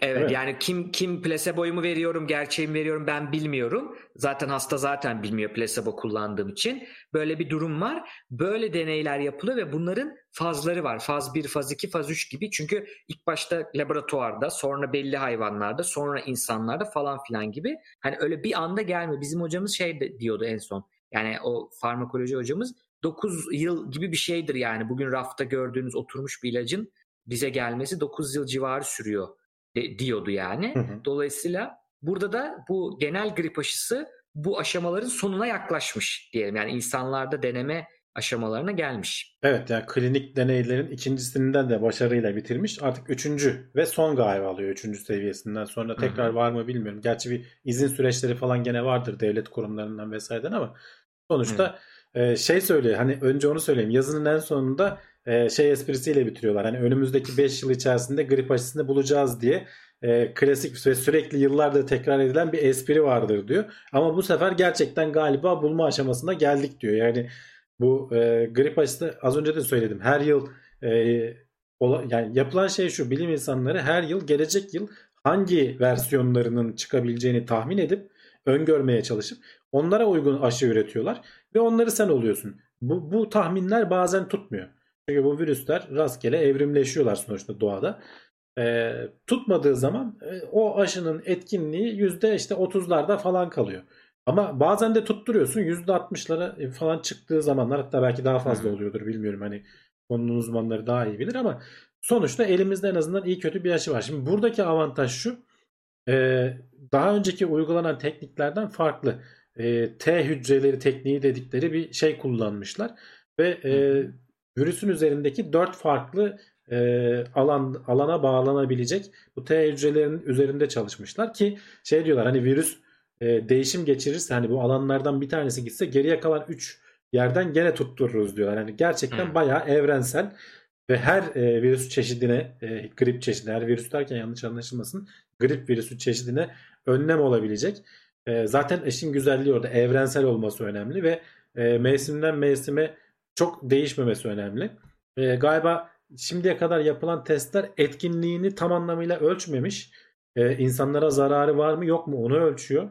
E, Hı. ama gene de şey diyorlar hani bir etkinliği olduğunu e, başarılı sonuçlar aldığımızı söyleyebiliriz diyorlar. Net rakamlar vermemişler ama hani 6 aya kadar falan bağışıklık e, sistemini Evet. e, tetiklediği, zinde tuttuğu falan söyleniyor. Şimdi İnşallah göreceğiz. şey. E, Evet, ilginç bir şey. Yani o e, T hücreleri bağışık bizim vücudumuza hepimizde olan bağışıklık sisteminin e, askerlerinden biri diyeyim. Hani kullanılan hücrelerden biri. Tam ne yaptığını şu an hatırlamıyorum ama e, kullanılan hücre çeşitlerinden biri. Orada da hani virüsü gidip e, tanıması lazım bir şeyler yapabilmesi için.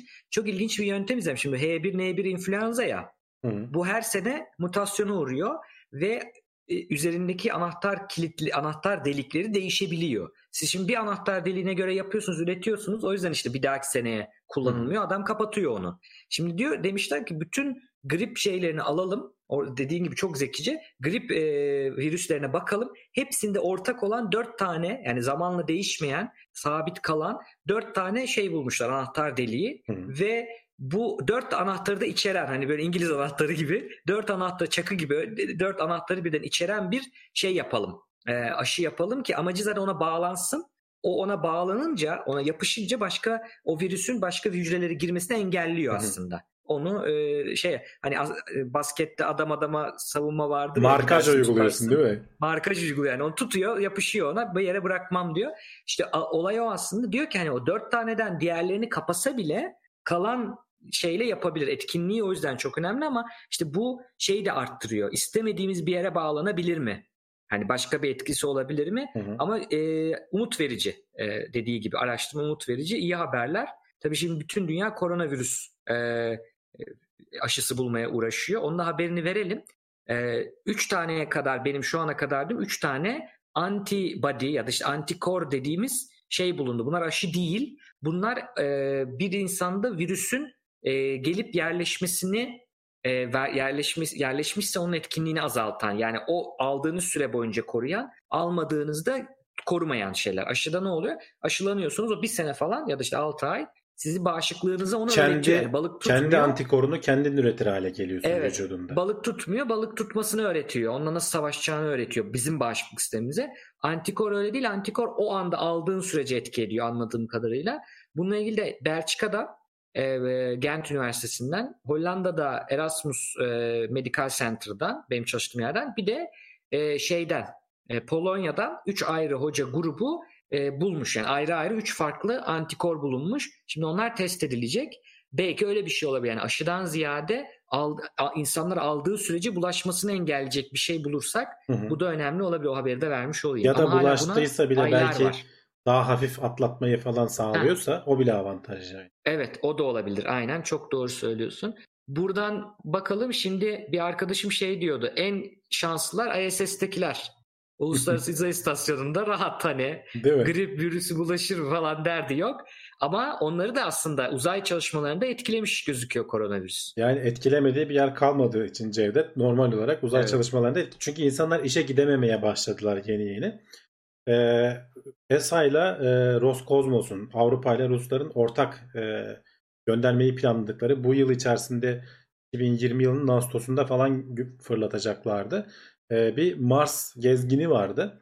E, hatta öncesinde bir görev yapmışlardı birkaç yıl önce de paraşütü tam e, hem yörüngeye bir uydu yerleş. Trace Gas Orbiter'dı galiba yörüngeye yerleşen. Ondan ayrılan küçük bir sonda e, yüzeye paraşüt denemesi yaptı ama başarısız olmuştu. Çakıldı falan. Ama zaten hmm. denemem göreviydi. E, oradan öğrendiklerini bu işte e, rover'da kullanacaklardı. E, 2020 dediğim gibi Ağustos ayında bu önümüzdeki Ağustos ayında fırlatılacaktı ama e, hem e, koronavirüsüne tabii tamamen bağlamamak lazım ama onun da ciddi etkisi oldu diyorlar. Hem koronavirüsü hem de e, özellikle bu e, paraşüt sistemlerinin falan daha ayrıntılı test edilmesi gerekiyorlar. Bazı sorunları çözemedik dediler. E, Mars'la dünyanın da e, yörüngeleri öyle bir durumda denk geliyor ki her iki yılda bir e, en verimli şekilde gidebilecek bir kapı açılıyor.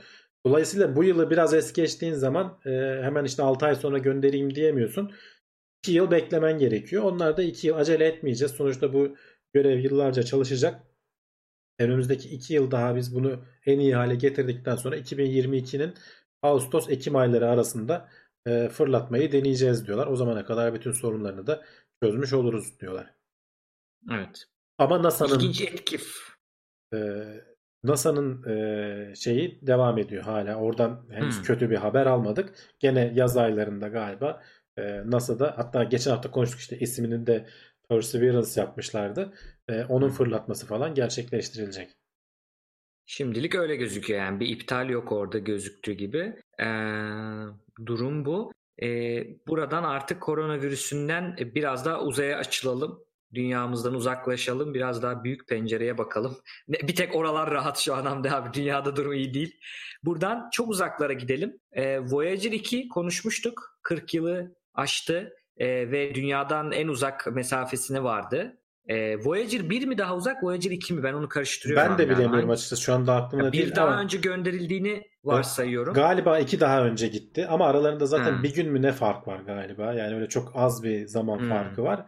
E, ama yörüngeleri farklı. Hani farklı yönlere doğru gidiyorlar. Farklı şekilde gidiyorlar. Ama hangisi daha uzak onu bilmiyorum. Ama uzaklar. Galiba Voyager 1 daha önce çıktı. E, güneş sisteminin o şeyinden şemsiyesinden ama e, hmm. bu daha uzağa gittiği anlamına gelmiyor. Oradaki şemsiye daha azdır yani. E, daha yakındır falan olabilir. Ona bakmak lazım. İnternette Wikipedia'da rahat bulur meraklısı. E, buradaki haber e, Voyager 2'yi bir süre yalnız bırakacağız. Ee, dünyadan şu anda onun bulunduğu mesafeye iletişimi sağlayabilen bir tek e, büyük bir çanak anten varmış Avustralya'da. Ee, yaklaşık hani 20 katlı bir bina büyüklüğünde diyorlar. Ee, oradan e, haber alabileceğimiz başka antenler var. Ama haber gönderebileceğimiz e, anten bir tek bu ve bunun da artık bakım zamanı gelmiş. 50 yıldır falan kullanılıyormuş. Çok uzun bir yenileme operasyonundan geçecek. Yaklaşık e, 11 ay falan bakımda kalacak. Bu esnada e, Voyager 2 yalnız başına kalacak. Zaten hani otonom çalışıyor bu. Çünkü bir bir şey yaptığın zaman, bir haber gönderdiğin zaman 17 saatte gidiyor. Cevabı da 17 saatte geliyor. Yani o kadar uzakta ki e, en ufak bir şey hani buradan böyle yönlendireyim diyemiyorsun. Zaten kendi üzerinde de e, hata tolerans sistemleri vesaire var. Hatta geçenlerde Ocak ayında konuştuk mu hatırlamıyorum ama ben haberleri okuduğumu hatırlıyorum.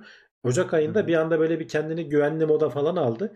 E, dünyadan yazılımla değiştirerek bazı şeyleri aslında bir kapataş düzelir yaptılar yani tam anlamıyla. e, 4-5 tane enstrümanı kapatıp açtılar aletin üzerindeki. E, sonra kendine geldi. E, ama bir 11 ay e, yani hiç sıkıntı yaşanmazsa düzgün bir şekilde yoluna devam edecek. Yani her gün sonuçta dünyaya dönük kalabilmesi için o şeyinin e, kendi üzerindeki anteninin e, belli manevralar yapması gerekiyor. Bunu otomatik yapıyor tabii dediğim gibi ama bazen çalışmayabiliyor işte. Sonuçta 40 yılı devirdi. E, çok eski teknolojiler uzay e, şeyine maruz kaldılar bu kadar zamandır. Hala çalışıyor olmaları bile bence bir mucize. E, en kötü şey yapılacak. Belki hani başına bir şey gelse bile o e, güvenli modda kalmaya devam edip 11 ay sonra tekrar bu e, çanak anten hayata geçtiğinde belki bir düzeltme sinyali gönderilebilir ya da hiçbir şey yaşanmaz. Bu arada biz e, ondan bilgi alabileceğiz. Yani o hala bize veri yollayabilecek. Biz ona gönderemeyeceğiz. Sıkıntı o. Çünkü gönderebilen bir tane çanak olması da ilginç yani aslında. Onun garip bir durum. Biz çok E, uzaklarda eski olduğu için ilgili. çok uzaklarda olduğu için oraya hani e, herhalde daha büyük antenler falan gerekiyor anladığım kadarıyla. Özel olarak evet doğru söylüyorsun. Ee, çok ilginç e, durumda hem Voyager 1 hem Voyager 2 çok ilginç yani dü- dünyadan en uzak e, insan yapımı nesneler. İçinde işte o altın plak var, dünyadan bilgiler var, dünyanın yeri var. Çok ilginç e, uzay yapıları. Yani eninde sonunda İnşallah zaten bir şey gelmez. eninde sonunda zaten hani bağlantı kopacak yani üzerindeki o Hmm. e, enerji üreten radyoizotop gitgide zayıflıyor. Sürekli bazı enstrümanları kapatarak geliyorlar. E, ellerinden geleni yapıyorlar ama eninde sonunda o da bitecek. Ondan sonra zaten tamamen bağlantı kopacak ama bunu mümkün mertebe e, Evet. ötelemeye çalışıyorlar.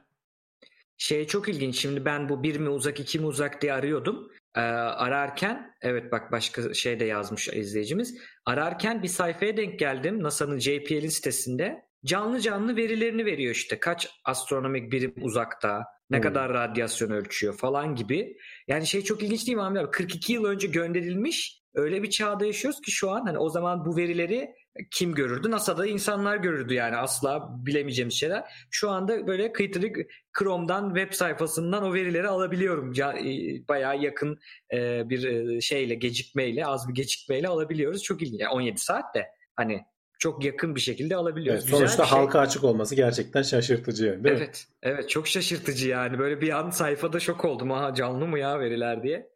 Ee, ilginç. Bu arada güneş sisteminin sınırlarından bahsederken oraya illa e, bir cihaz yollamak zorunda değiliz. Buradan da bakabiliriz. Aslında bu amaçla bakmıyorlardı. Biliyorsun işte ge- geçen geçen sene Nobel ödülü de bununla ilgili alınmıştı. Hani hatta orada kahveyle göstermişti. Oradaki sunum yapan kahve koyuyordu, Hı. süt koyuyordu, şeker koyuyordu falan.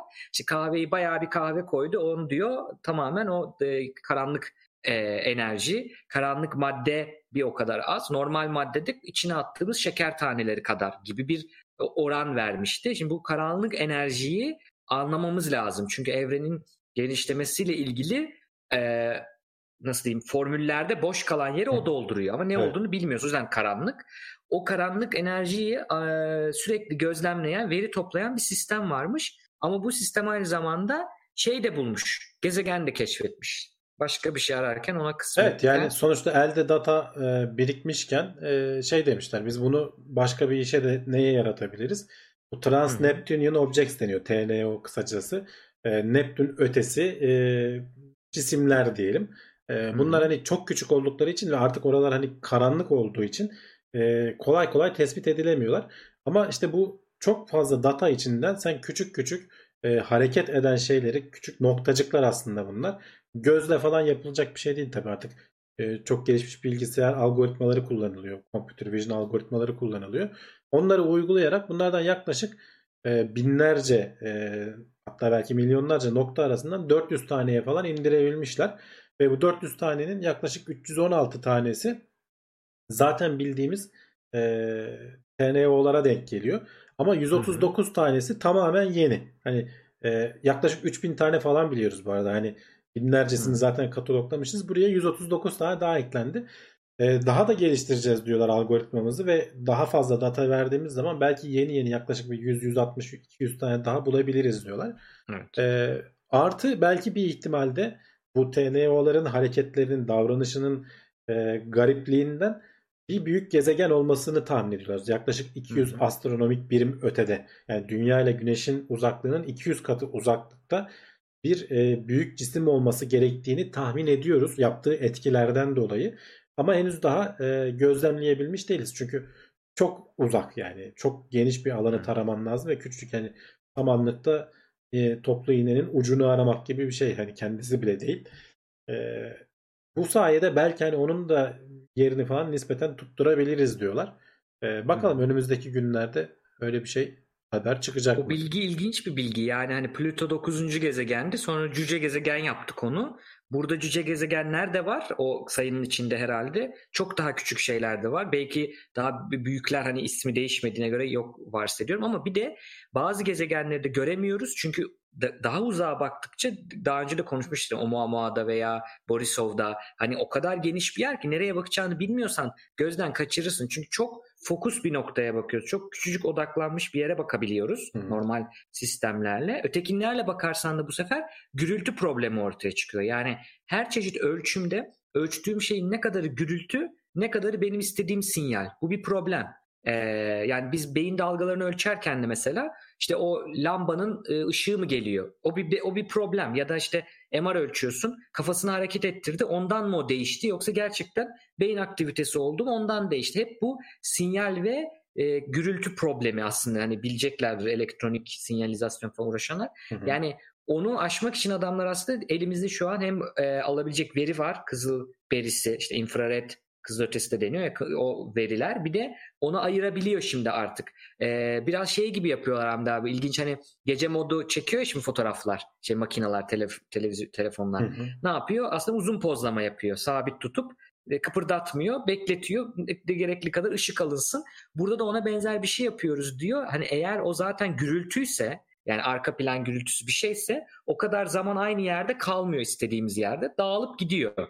Onu algoritma e, çözmeye çalışıyormuş. E, çok ilginç bir bilgi. E, bir de dediğin gibi gizemli gizemli bir gezegen. Dokuzuncu bir büyük bir gezegen olduğunu teorize ediyoruz. Niye? Evet. Çünkü matematiksel olarak oradaki şeyleri bir şey etkiliyor. Bir şeyin yer çekimi var. Sanırım galiba emin değilim ama yanlış Merkür'de e, bilinmiyormuş ilk başta gözlemle değil matematiksel hesapla orada bir gezegen olacağını düşünüyorlar. Daha sonra teleskopları çevirince e, buluyorlar Merkür'ü de. Öyle bir ee, hikayesi Merkür var. Merkür mü öyle miydi yoksa daha uzaktaki miydi öyle? Yani bazı gezegenler öyle Hatırlamıyorum. Bir tanesi öyle ama bildiğimiz bilinen o 8 gezegenden biri öyle ama Hı-hı.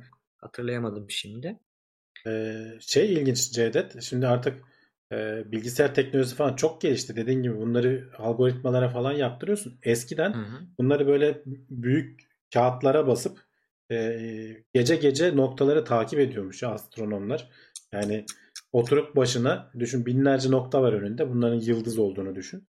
Bunlardan bazıları hareket ediyor. Bir önceki üst üste koyuyorsun böyle şeffaf şeyler var. Ee, bir belgeselde izlemiştim. Biz zamanında böyle yapardık diye anlatıyorlar. Ee, işte bilgisayarların daha yayılmadığı hani 60'ları 70'leri düşün. Ee, şimdi aynısını dijital ortama alıyorsun. Bilgisayarlar senin için yapıyor. İşte bu sayede yüz küsür tanesini bir anda buluveriyorsun. Eskiden adamlar böyle tek tek elleriyle takip ediyorlarmış noktaları, işaretliyorlarmış falan. Çok ilginç ya. Yani nereden nereye değil mi hani evet. şey olarak bakıldığında. Ee, buradan da bakalım. Ee, bir sonraki habere geçelim. Yine uzaydayız. Dünyadan biraz kaçtık gibi oldu. Bak escapizm edebiyatı evde oturup escapist şeyler izleyip okuyabilirsiniz yani hani fantastik evet. bilim kurgu çünkü dünyada bir şey şu an için moralimiz iyi değil biraz kaçalım. Şey görmüştüm. Efendisi e, falan okuyun. O, o da ilginç yani hani sen farklı şeyler okumak izlemek isteyebilirsin de işte en iyi 10 salgın filmi falan diye şeyler gördüm listeler gördüm. Evet, Barış zaten videosunu gördüm ben daha kötü değil mi? yani zaten şu anda onun içindeyiz niye izleyip bir de iyice sinirimizi bozalım yani. Ya e, videoyu ben de bugün izledim. Başka bir amaçla söylüyor. Yani öğrenilecek Hı. şeyler var demek için söylüyor ama e, öyle bir risk var. Onu da sonda söyleyeceğim. E, salgının psikolojisiyle ilgili bir iki kelam etmek istiyorum. Hani e, Tamam. orada bir önemli bir buluyorum onu. Kaygılarımız çok yüksek çünkü. Onu söyleyeceğim ama uzay maruluna geçelim. İlginç bir Evet. konu. Uzayda bunu haberini yapmıştık galiba değil mi? Konuştuk, Yetiştiriliyor evet. demiştik. Ee, Ama kimse dünyaya yemedi daha demiştik. Evet yemedi dünyaya gönderildi. Hani astronotların başına bir iş gelmesin bilmiyoruz ne olduğunu diye yemelerine izin verilmemişti. Ee, dünyaya gönderildi. Ee, bütün ayrıntılı incelemelerden sonra dünyadaki marullarla birebir aynı oldu. Aynı lezzette, aynı besleyicilikte olduğu ortaya çıkmış. Hatta e, bakteri e, şeyi bile aynı diyorlar. Hani e, üzerinde bulunan bakteri popülasyonları falan bile dünyadakine birebir benziyor diyorlar. Hı. niye marul? Çünkü üretilmesi nispeten kolay. Ee, kısa sürede büyüyor. Ama mesela şimdi sıradaki şeyler e, domates, e, biber falan yetiştirecekler yani. Hmm. E, onların ama Daha zor yetişen. daha zor yetişiyor ama eninde sonunda buna ihtiyacımız olacak. Hani Ay'a gideceğiz diyoruz, işte Mars'a gideceğiz diyoruz. Buralarda bir şeyler e, üretmemiz, yetiştirmemiz lazım. Sü- sürekli dünyadan alıp götüremezsin. En azından hani uzay ortamında yetiştiği zaman, yerçekimsiz ortamda yetiştiği zaman dünyadakinden şimdilik hani marul özelinde farklı olmadığını söyleyebiliriz. Test ettik, onayladık. Evet. Bu arada Neptünmüş, Merkür değilmiş. Ben karıştırdım. Neptün, Neptün. Yani hatta Evet, şöyle galiba Plüton Neptün'den önce bulunuyor. Gene şans eseri olduğu için. Ee, Hı. ama Neptün'ü galiba hem onun hem de işte Uranüs'ün falan hareketlerini bozduğundan tahmin ederek buluyorlar. Evet. Çok Merkür çünkü şey. iç gezegenler çok yakın olduğu için e, Merkür, Venüs, Mars e, diğerleri de büyük zaten Jüpiter, Satürn falan iç gezegen değil ama hani büyük olduğu için hatta yani eski zamanlarda şeyi bile biliyor hani Galileo kendi zamanında Jüpiter'in büyük 4-5 tane uydusunu bile görüntülemiş adam yani. E, Hmm. kendi Evet yaptığı evet. teleskopta. Uyduları görüntülüyor Tabii yani. uydularını yani şey yapabiliyor. Ama daha uzaklara işte bakman için daha gelişmiş teknolojiler lazım. Hatta hatırlarsan e, Plüton'un en iyi görebildiğimiz şekli böyle bir iki tane pikseldi. New Horizons gitti de aletin şeklini şemalini görebildik yani. E, birkaç pikselden öte bambaşka şeyler çıktı karşımıza. İlginç, ilginç. Ee, ve buradan da yine e, bu sefer uzayda gidiyorduk. Bu sefer zamanda gidelim. 70 milyon 70 milyon yıl önce günler 30 dakika yani yarım saat daha kısaymış Hamdi abi. Evet hatta daha da geriye gittiğin zaman daha da kısalıyor. E, Evet. dünya kendi Bu etrafında bilinen bir bilgi. Bu yeni bir bilgi değil aslında değil mi? Bunu daha önce de konuştuk. Yani Evet. bu tahmin edilen bir bilgi ama direkt kanıtımız yoktu buna. Ee, yani başka kanıtlar varmış öyle diyeyim. Bu şimdi ta- çok beklenmedik bir yerden bir e, deniz kabuğu diyeceğim. Aslında Evet. kabuksu canlılardan gelen bir şey, bir kanıtla bulunmuş. Hı hı. Şimdi şöyle bir şey yapmışlar. Bunlar tabii karbon değil mi? O kabuk aslında karbon temelli bir şey. O yüzden çok uzun kalabiliyor diyebiliyorum e, o fosillerle. Şimdi onu adamlar incelerken e, biz bunları görüntüde mikroskopta saymaktansa lazerle keselim. O şekilde sayalım. Daha böyle ince dilimler halinde bakalım demişler.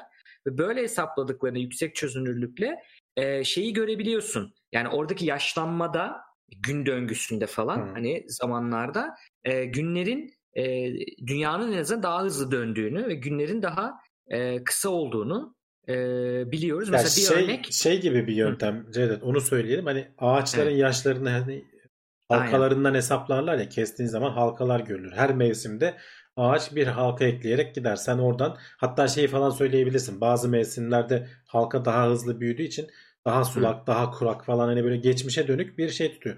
Burada da aynı şey var. Sadece hani bir ağacın işte ömrü e, 40-50 yıl 100 yılsa e, veya 500 yılsa bu 70 Hı. milyon yıl geriden gelebiliyor.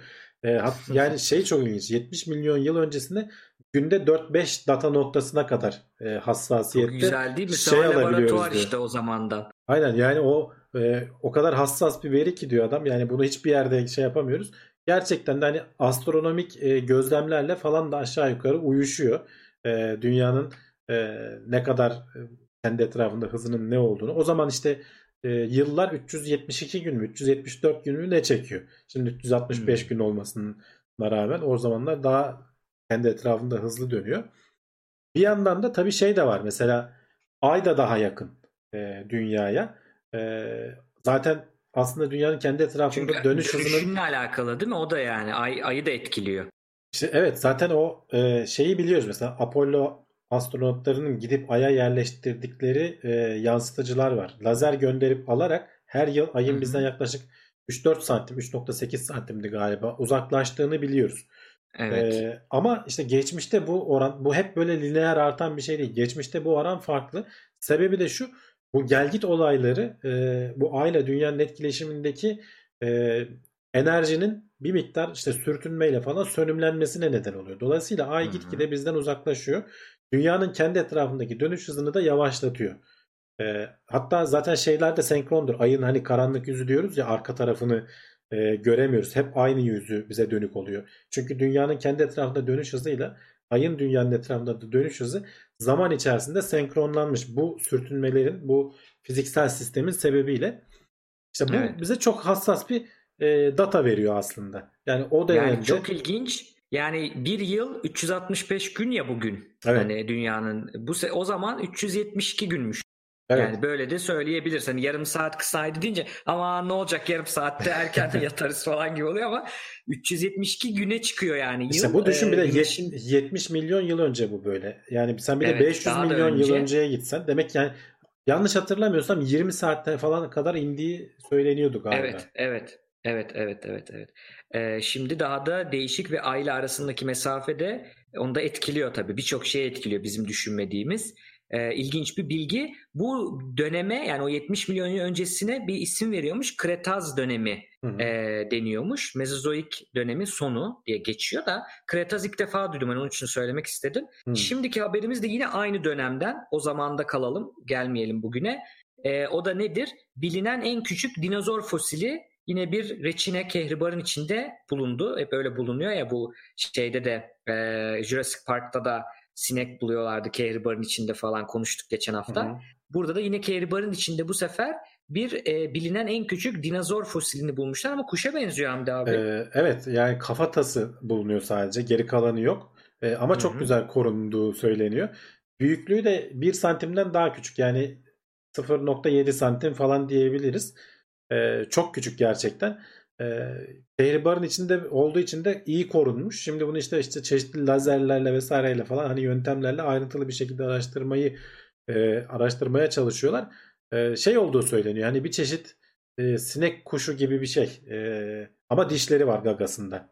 Zaten e, dinozorlarla kuş arasında geçiş e, türlerinden biri olabileceği, ilk kuşların atası olabileceği söyleniyor ama daha yeni gelecek fosillerle ve daha ayrıntılı incelemelerle bunun bir kuş türü mü olduğu yoksa işte başka bir tür mü olduğu falan yer yer değiştirebilir diyorlar. Yani henüz daha tam olarak adını koyabilmiş değiller. Ee, aslında bir isim vermişler ama hani dişli gaga falan gibi bir anlama gelen Latince'de e, bir isim Oculudentavis diye bir isim vermişler mesela. Hem gözlü hem dişli falan gibi böyle. Bu da şeyi gösteriyor yani e, dinozorlar hani diyoruz ya bugün dinozorların en yakın akrabası tavuklar. T-Rex'in en yakın akrabası tavuk gördüğümüzde ama hiç bize yakın gelmiyor ve dinozor dediğimiz hep böyle dış derisine sürüngen gibi işte böyle e, ne diyorlar ona e, Türkçesi nedir onun Hamdi abi? Scaled. E, Zırh şeyli mi? Ee, Zırhlı. Ha, zırhlı evet gibi, yani evet. böyle e, şey gibi e, timsah derisi gibi düşünüyorken aslında ama e, yeni kanıtlar gösteriyor ki onlar bayağı tüylü tüylü. Yani o Evet. deri var ama üstünde de tüyler var birçok e, dinozorda. Bizim e, hayal ettiğimiz dinozorlar gibi değiller. E, bizim e, kafamızdakiler gibi değiller. Garip bir durumda. Ya şöyle bir de dinozor deyince akla hep büyük büyük e, canlılar geliyor. Yani böyle devasa Hmm. yaratıklar geliyor. E, şimdi artık biraz şey dönmeye başladı diyorlar. E, artık şimdi eskiden bu kemiklerin, fosillerin vesairenin toplanması biraz daha böyle hani bulup da e, satan hani bilim insanlarının daha nispeten az olduğu dönemlerde işte yaklaşık 100-150 yıl önce falan bunu böyle define avcılığı gibi toplayıp satan adamlar varmış. Onlar da hep böyle şeye yöneliyorlar diyor. Büyük bulmaya mümkün mertebe onlar ilgi çekiyor diye. Ee, şimdi ama artık devir yavaş yavaş değişmeye başladı. Küçükler de dikkatimizi çekiyor. Bu kehribarın içinde kalanlar da bol miktarda bulunmaya başlıyor. Hı. yeni yeni bilgiler ediniyoruz. Yani düşünsene minicik e, kafatası düşün işte yani bir sinek kuşu kadar. Yani bir santim bulmayan kafatası var. Ee, ama dinozor sınıflandırmasına giriyor. Çok ilginç bir bilgi. Evet işte algılarımızın da nasıl şekillendirdiği hani bir, bugün birine dinozor desen boyu kaçtır desen benden büyük mü desen büyük deriz yani çok büyük bir yüzdesi. Çünkü sadece o bizim fosillerle değil e, yani hem fosilleri de var büyük fosiller de var yani bizim müzelerde gördüklerimiz büyük ama hı hı. Işte filmler de şekillendiriyor. Film film tamamen Jurassic şekillendiriyor. Park şekillendirmiştir yani. Evet. Çiz deseler. Yani şey bile mesela aslında orada Jurassic Park'ın ismi bile şimdi insanlar az önce sen dedin ya Krates dedin. İşte Mezozoik var. Hani bunlar aslında şeylerin zaman dilimleri. Mesela Jurassic de bir dönem değil mi? Jurassic de bir dönem ama aslında dinozorların e, hani o anlatılan dinozorların yaşadığı dönem de değil. Sadece ismi güzel olduğu için ismi onu vermişler. Jurassic deyip geçmişler. Jurassic Park deyip geçmişler. Hani filmlerde, dizilerde böyle e, bariz maddi hatalar olabiliyor. Onlar çünkü sonuçta bir şov. Hani bilimsel bir şey evet. anlatmak için değil. E, eğlen, ilgini çeksin diye pek çok kişiyi de açıkçası hani dinozorlara ilgisini pek çok çocuğun çekti. Onu söyleyebilirim. Ama orada gördüğün gibi de değil e, çoğu şey. Evet. Ee, son habere geçelim buradan. Bu hem haber hem duyuru gibi bir şey. Ee, bir e, podcast'te dinledim bunu ben de. Ee, daha sonra inceledim. Hani nasıl bir şeymiş diye. Ya şimdi evlerimizde evlerimizde de oturduğumuz zamanlar ya hani e, şöyle bir şey yapabiliriz. Bilime ben nasıl katkı yapabilirim? Bak bu bir sürü bilim haberi konuşuyoruz. İşte e, ben nacizane olmaya çalışıyorum bilim insanı. Uğraşıyorum işte eğitiminde falan ama illa böyle direkt bilim yaparak değil uzaktan da katkı sağlayabiliyorsunuz bilime. Bu da onun bir parçası. Ee, oyun oynayarak bildiğim bir oyun oynayarak Alzheimer'ın tedavisine, Alzheimer'ın daha e, iyi anlamamıza e, katkı sağlayabiliriz aslında. Bunu Hı-hı. onunla ilgili bir duyuru.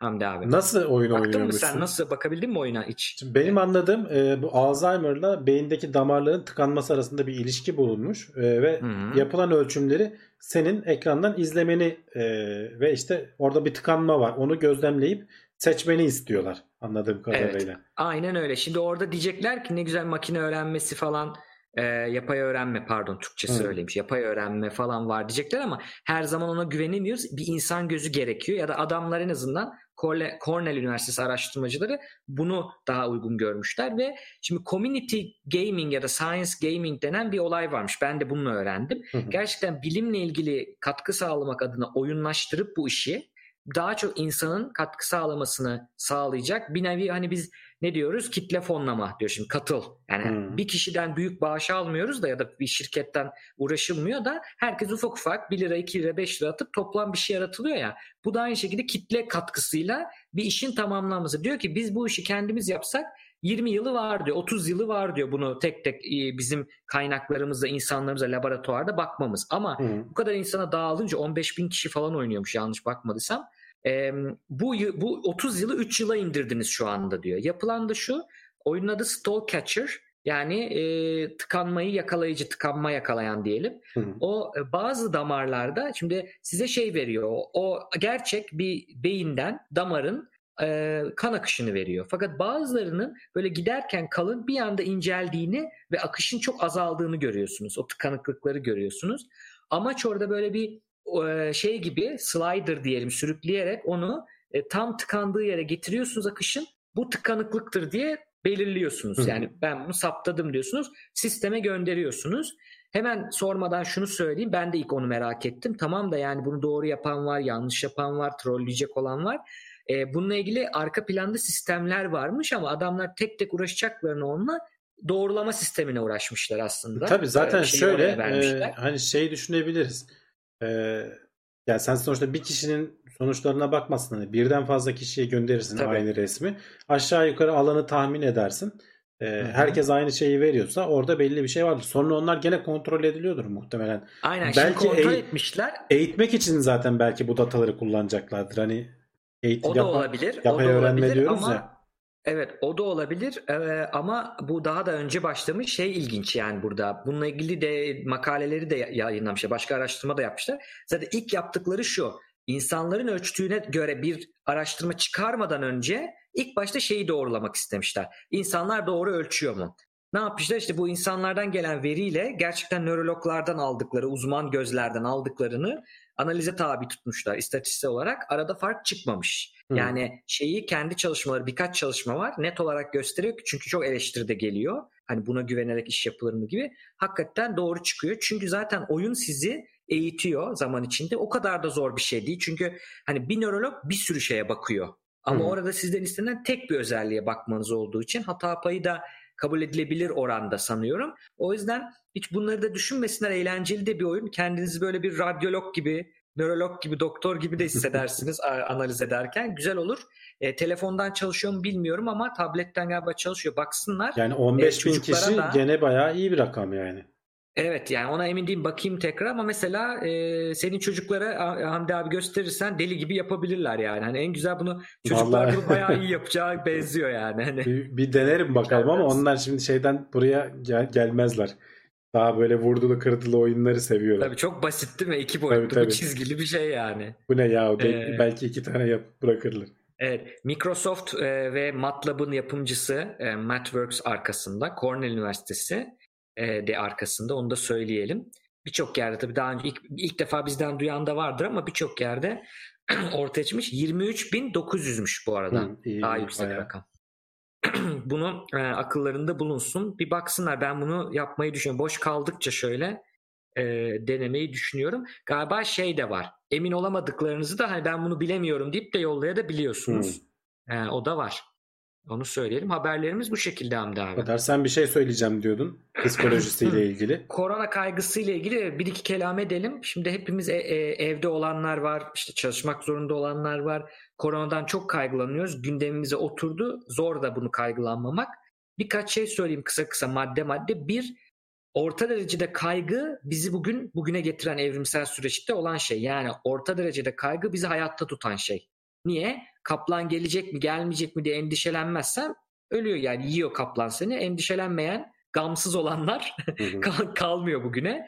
Ama o kadar da fazla gamsız da olmayacağız, fazla da kaygılı olmayacağız. Arada olacağız ki hayatta kalalım. Yani hiç takmazsan koronayı, önlem almazsın, elini yıkamazsın vesaire kapabilirsin. Bu evet. Ama çok önlem alırsan da aslında bu bizi aşırı korkuya götürüyor. Başka hastalıklara sebep oluyor, aşırı strese sebep oluyor ve hiçbir şey yapmamaya sebep oluyor. Yani zaten bittim, öldüm, bittime sebep oluyor. O yüzden onu dikkat edin. Kaygı seviyemiz kendinize ara ara sorun. Şu an nasıl kaygılanıyorum? 1 ile 10 arası hani 5, 6, 4, 5, 6'da mıyım? Yoksa onlarda mıyım? Hani ona bir dikkat etmekte yarar var. Birinci bu. İkinci tavsiyem demin dedim ya haberde availability bias yani o benim aklıma çok duyuyorsam e, ne kadar çok maruz kalıyorsam o kadar bana yakınmış olabilirmiş gibi geliyor. Yani çok bu aralar uçak kazası haberi duyduk Hı hı. ama gerçekte uçak kazası bu kadar yakın değil. Uçak kazasının ölme ihtimalimiz bu kadar yüksek değil.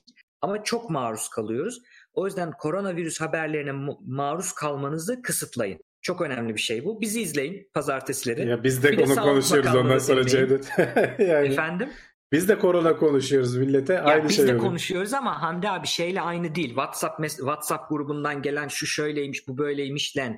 İşte Twitter'da şu şunun videosu hani videolar atılıyor, bir şeyler oluyor yani direkt Evet, maruz evet. kalmak özellikle aynı şey değil. Biz burada bir tık daha ha, biz de aslında çok konuşuyoruz bu arada açıkçası. Hani biraz azaltmayı düşünebiliriz haftaya doğru. Bu hafta Ama- nispeten azdı ama bak. Geçen hafta bayağı Evet, yani yavaş yavaş yeni bilgiler de azalıyor ama yani önemli olan biz birazcık da duygusala katmadan bilgi vermeye uğraşıyoruz. Korkutucu bilgiler vermemeye çalışıyoruz. Yani o çok önemli. E, buna dikkat edin. Tavsiyem ya Türkçe olarak zaten bizi etkileyecek şeyler Sağlık Bakanlığı'ndan gelecek. Ben de burada Hollanda'nın şeyini takip ediyorum. Haber sitesini takip ediyorum. Günde bir kere bakıyorum. Siz de öyle. Ve haberlere bakmayın bu ara. Çok önemli haberler olursa zaten yani Sağlık Bakanlığı'ndan bunu duyarsınız. Günde bir kere iki kere baksanız yeter. Lütfen daha fazla bakmayın. Televizyonlarda da bakmayın. Çünkü şey bu. İzledikçe izleyesi geliyor insanın. Onun da sebebi insan bilmediğinden korkuyor. Hı. Bilmediğine karşı kaygı duyuyor. Ne olacağını biliyorsam kaygılanmam. Dolayısıyla kaygı onu daha çok bilgi almak istiyoruz. Daha çok izlemek istiyoruz ama herkes aslında aynı bilgilere dönüp dolaşıp aynı bilgileri Evet evet konuşuyor. yani çok Hani fazla bir yararı yok. aynı şey tekrar tekrar söylenip duruluyor. Farklı uzmanlar da çıksa aşağı yukarı aynı şeyleri konuşuyorlar. Biraz dediğin gibi günlerin geçmesini beklemek lazım. Biraz şeyleri Evet. görmek lazım. Bir diğer tavsiyem şu an evde olabilirsiniz. Hayatınızın düzeni bir tık değişmiş olabilir. Mümkün olduğunca normal dönemde ne yapıyorsanız yapmaya çalışın. Atıyorum arkadaşınla belli bir saatte konuşuyor musun? Yine konuş evden konuş işte Whatsapp'tan Skype'tan cart curt konuş. Ama o düzeni bozmamaya çalış. İşe evden gidiyorsan da yine aynı benzer saatlerde kalkmaya çalış. Hı hı. Mesela yolda geçirdiğin sürede sana kar kalır. Hani yolda geçirmediğin sürede uyursun ama yine de mesai aynı Ya saatte şey yapmamak başlayıp lazım Cevdet bir de onu da belki söyleyebiliriz. Hani tamamen kendini eve kapatma gibi bir durum gerek yok. Yani hani Evet. daraldığın zaman çok fazla insanın içine girmeden çıkıp bir dolaşıp geri gelebilirsin Heh, yani. Çok güzel. Esin Hoca demişti onu. Şimdi havada tutunan virüslerden değil bu. Havadaki damlacıklarla tutunuyor ve yakın olman gerekiyor ya da yüzeye dokunman gerekiyor. Dolayısıyla açık havada az kişinin olduğu bir parkta diyelim örnek veriyorum. Hani sokakta bu çıktım anında bulaştım diye bir durum yok ama o arada şeyi bilemiyoruz Hamdi abi. Kimle yakın geleceğim, ne yapacağım, dur bir de markete mi gideyim diyeceğim. O da önemli. Dikkat ederekten, kontrollü şekilde e, çıkmakta falan. Ha, çıktım arkadaşımı da gördüm bir de sohbet edeyim. Hani yan yana oturayım. Bunlar iyi mantıklı şeyler değil. Dolayısıyla e, buna dikkat edeceğiz. Dediğim gibi gündelik hayatı mümkün olduğunca aynı düzeninde dönmek. Kendi işinize bakın. Ve Barış Özcan da aslında biraz onu söylemeye çalışıyor. Şey önemli. Bu zamanı madem evdeyiz bu zamanı hobilerimize e, veya izlemek istediğiniz filmler vardır. izlemek istediğiniz teknoseyir videoları vardır. Gelecek bilimde videoları vardır. Bir şeyleri izlemeye veya oyun oynamaya ne istiyorsanız onları yapmaya birazcık hobilerinize zaman ayırmaya e, çalışın diye düşünüyorum. E, daha da iyi olabilir böylece. Hani bunu artıya çevirmek gibi e, söyleyebilirim. Aklıma gelenler bunlar yani bilgiyi limitleyeceğiz. Sürekli bakmayacağız. Doğru kaynaktan bir tek kaynaktan bilgi alacağız. Hı hı. İşte Sağlık Bakanlığı'ndan alın. E, onun dışında da hayatınızı, gündelik hayatınızı devam ettirmeye çalışın. Bir de dediğim gibi önlemler belli. Hep sayıyoruz. Bunları aldıksanız bundan sonrasını artık uğraşmayın, düşünmeyin. Yani bunları yapıyorsanız gerisini düşünmenin hiçbir artısı yok bize. Onu söyleyebiliriz. Evet güzel oldu. İyi toparladın son anda. Var mı başka söyleyeceğim bir şey? Toparladım aynen güzel oldu. Şimdi gene konuşuruz zaten sorulara falan bakarız. İstersen yayını normal olarak bitirelim. Ee, Gelecek hafta görüşürüz diyelim. Görüşmek üzere.